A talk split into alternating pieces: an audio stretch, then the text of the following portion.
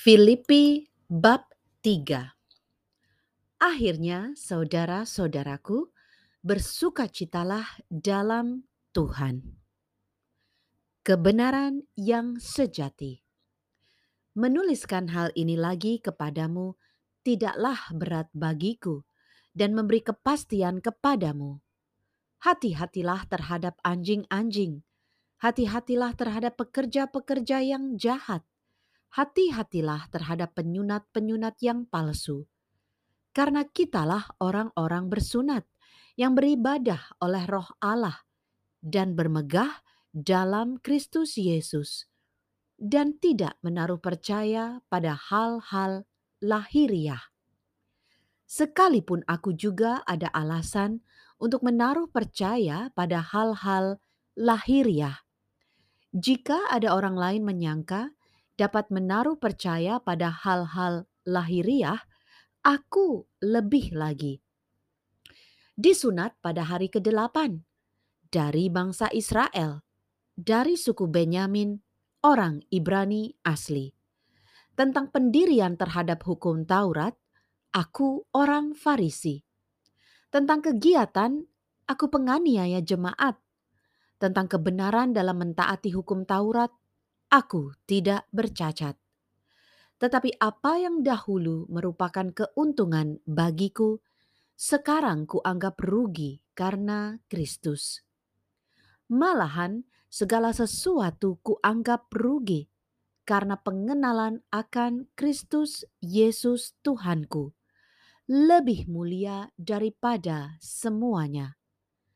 Oleh karena dialah aku telah melepaskan semuanya itu dan menganggapnya sampah, supaya aku memperoleh Kristus.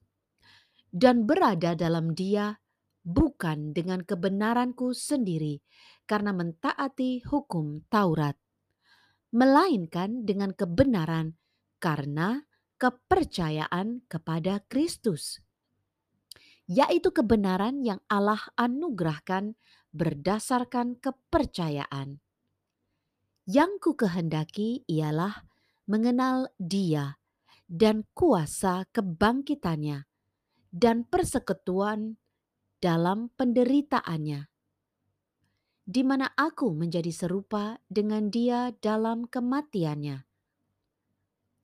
supaya aku akhirnya beroleh kebangkitan dari antara orang mati. Bukan seolah-olah aku telah memperoleh hal ini atau telah sempurna, melainkan aku mengejarnya.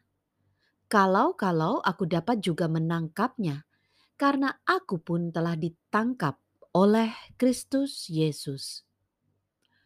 Saudara-saudara, aku sendiri tidak menganggap bahwa aku telah menangkapnya, tetapi ini yang kulakukan. Aku melupakan apa yang telah di belakangku dan mengarahkan diri kepada apa yang di hadapanku, dan berlari-lari kepada tujuan untuk memperoleh hadiah, yaitu panggilan sorgawi dari Allah dalam Kristus Yesus. Karena itu, marilah kita yang sempurna berpikir demikian.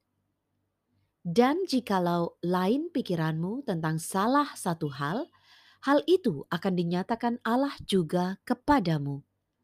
Tetapi baiklah, tingkat pengertian yang telah kita capai, kita lanjutkan menurut jalan yang telah kita tempuh.